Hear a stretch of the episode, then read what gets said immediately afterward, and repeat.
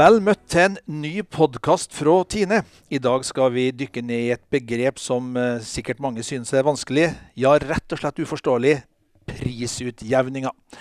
Og Bakteppet for at vi skal se nærmere på prisutjevninga og dens betydning, det er jo at vi ser et eh, meierimarked stadig sterkere prega av konkurranse. Importen øker, vi drikker mindre mjølk. Og melkeprodusentene må produsere mindre, bl.a. fordi at Jarlsberg-eksporten skal fases ut. Mange sier at vi må tenke nytt på virkemiddelbruken innenfor norsk meieribruk. Og her spiller faktisk da den berømte prisutjevningsordninga en viktig rolle. Men for å være litt basal og litt eh, grunnleggende her, eh, Jonny Ødegaard, konserndirektør i Tine Rådgivning og medlem. Kort forklart på en god pedagogisk måte, hva er PU-ordninga? Veldig eh, enkelt sagt så er PU-ordningen lagd for at mjølkebønder i hele landet skal få samme mjølkepris. Opprinnelig så var det et verktøy for å jamne ut mjølkepris. Den har to hovedelementer i seg. Det er utjevning av fraktkostnader og utjevning av lønnsomhet mellom ulike produktgrupper. Sånn at uh, bøndene i Finnmark eller bøndene på Jæren eller bøndene i Østfold skulle få samme mjølkepris i den gamle strukturen. Og Så er det i ettertid blitt lagt til en del andre oppgaver som har komplisert ordningen, men det grunnleggende som vi må ta vare på, er at PU-ordningen sikrer lik mjølkepris til alle mjølkeprodusenter i hele landet. Og så er det ei inntektsside og naturligvis da ei utgiftsside. Hva er de viktigste inntektskildene? Ordningen består i avgift på de ferske produktene, de som historisk sett ikke kunne lagres, og som måtte produseres nær forbrukeren, altså drikkemelk og fersk fløte. Og så ble det gitt tilskudd da, til de lagringssterke produktene, som ost og pulver og smør. Eh, og På den måten så sikrer han da utjevning mellom ulike mjølkeanvendelser. Også På kostnadssida ligger det også en, en, en stor kostnad knytta til fraktutjevning. Altså in, en innfraktordning som, som, stikker av gårde med en halv milliard kroner omtrent av, av inntektene. Og Det skyldes jo at landet vårt er, har den beskaffenheten som det har.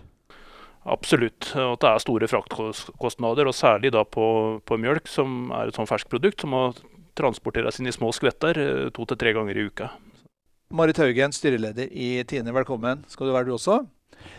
Hvorfor fikk vi i sin tid prisutjevninga med de ulike tilskudda? Den fikk vi, som en eh, Jonny sier, fordi at man har en mål om å ha melkeproduksjon over hele landet. Uh, og for at det skulle bli like lønnsomt å produsere melk i Finnmark, langt fra de store markedene, som det var å produsere melk på Østlandet eller rundt de store byene, så laga man en ordning for utjamning som handler om frakt, og som handler om hva du bruker melka til. Så det handla om å legge til rette for melkeproduksjon, for melkeprodusenter i hele landet. Men sånn sett så har jo da ordninga vært en suksess? Ja, og det er bra. Så den delen av ordninga vil vi jo absolutt ta vare på. Det er vel riktig å føye til også at ordningen la jo til rette for en spesialisering. Istedenfor at alle skulle produsere alle mulige produkter, så gjorde ordningen det mulig å spesialisere seg på osteproduksjon, spesialisere seg på, på drikkemelk, uten å, uh, uten å uh, Og likevel da klare å holde samme mjølkepris som, som andre anlegg. Så den har vært med å rasjonalisere norsk meieriindustri, egentlig. Men hvis vi da ser på effekten av tiltakene, så kan vi jo notere oss både at kumeieriene og Synnøve Finden har vokst, og omsetninga har jo økt også av meieriprodukt både i volum og verdi. Er ikke dette ting som, som, er bra da, Jonny Ødegaard? Jo, det er bra, og konkurranse er veldig bra. Jeg tror ikke vi tilnærmelsesvis hadde vært så gode som vi er i dag hvis vi ikke hadde hatt konkurranse. Eh, norske skiløpere ville ikke vært i stand til å prestere internasjonalt hvis de ikke hadde matcha seg mot den beste hele tida. På samme måte så trenger tiende konkurranse for å bli bedre. Så det at en eh, tok grep eh, på 90-tallet for å etablere en eh, nasjonal konkurranse innenfor eh, meieri, det tror jeg er riktig og positivt. Så kan det være det at tida nå har løpt ifra en del av de virkemidlene en har brukt, og at konkurransesituasjonen nå er så annerledes enn den, det den var den gangen, at vi må se på virkemiddelbruken på nytt. Ok, og Her eh, henger du kanskje bjella på den berømte katten. fordi at eh, vi, vi, som har fulgt med litt i timen, har jo merka oss at eh, Tine ikke er fornøyd med alt innenfor prisutjevningsordninga. Og da får du jo en gyllen sjanse her, da, Marit Haugen. Hva er det som, eh, som er så rav ruskende galt?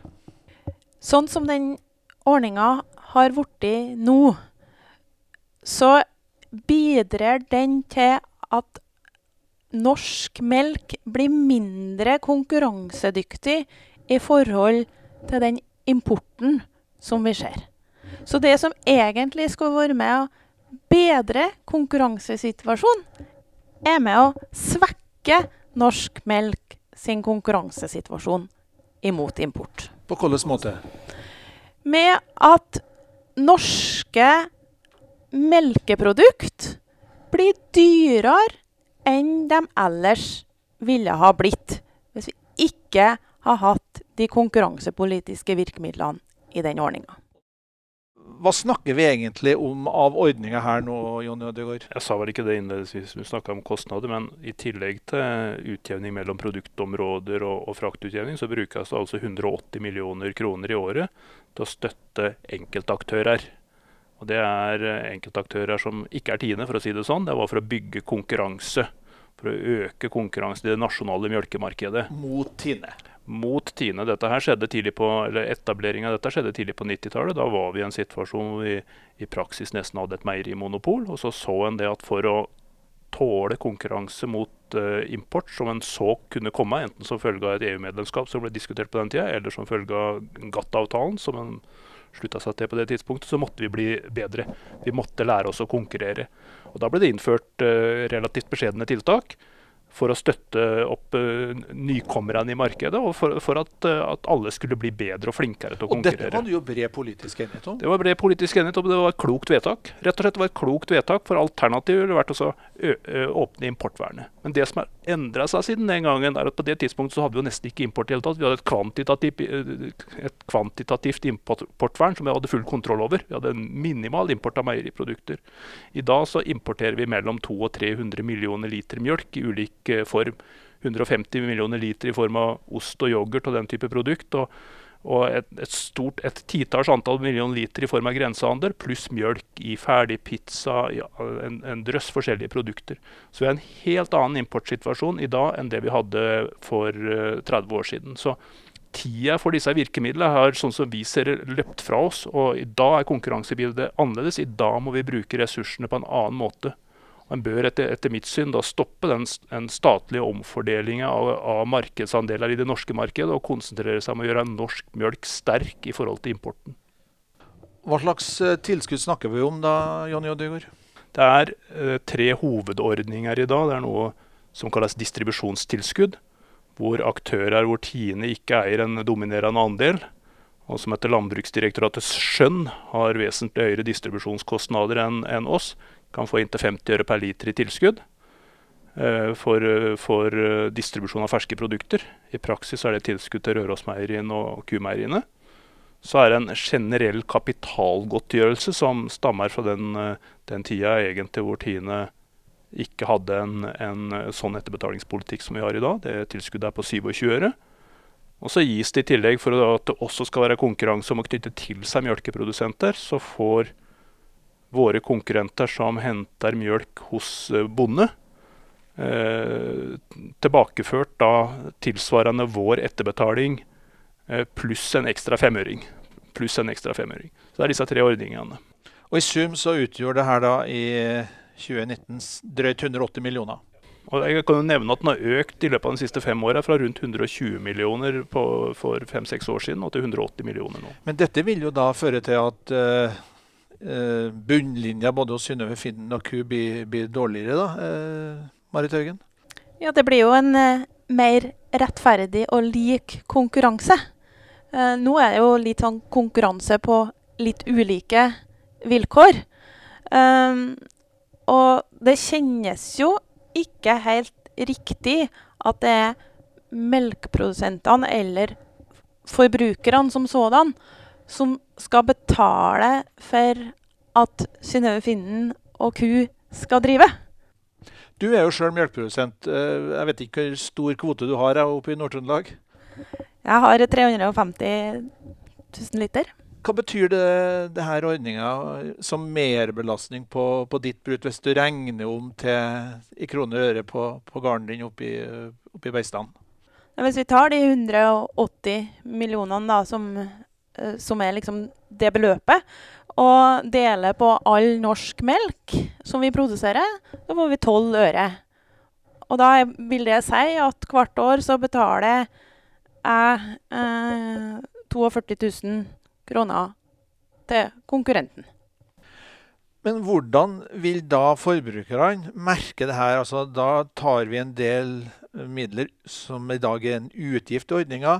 Blir det da billigere å kjøpe mjølk? Blir det billigere ost i hylla? Eller hvordan vil vi, vil vi merke en slik omlegging Tine ønsker seg? Det er mange elementer i et sånt uh, regnestykke, og det er avhengig av, av så, så, sånn, typisk så vil en sånn en kostnad fordele seg i hele verdikjeden. Noe vil komme i form av bedre pris til produsent, noe vil komme i form av lavere kost, eh, pris til, til forbruker.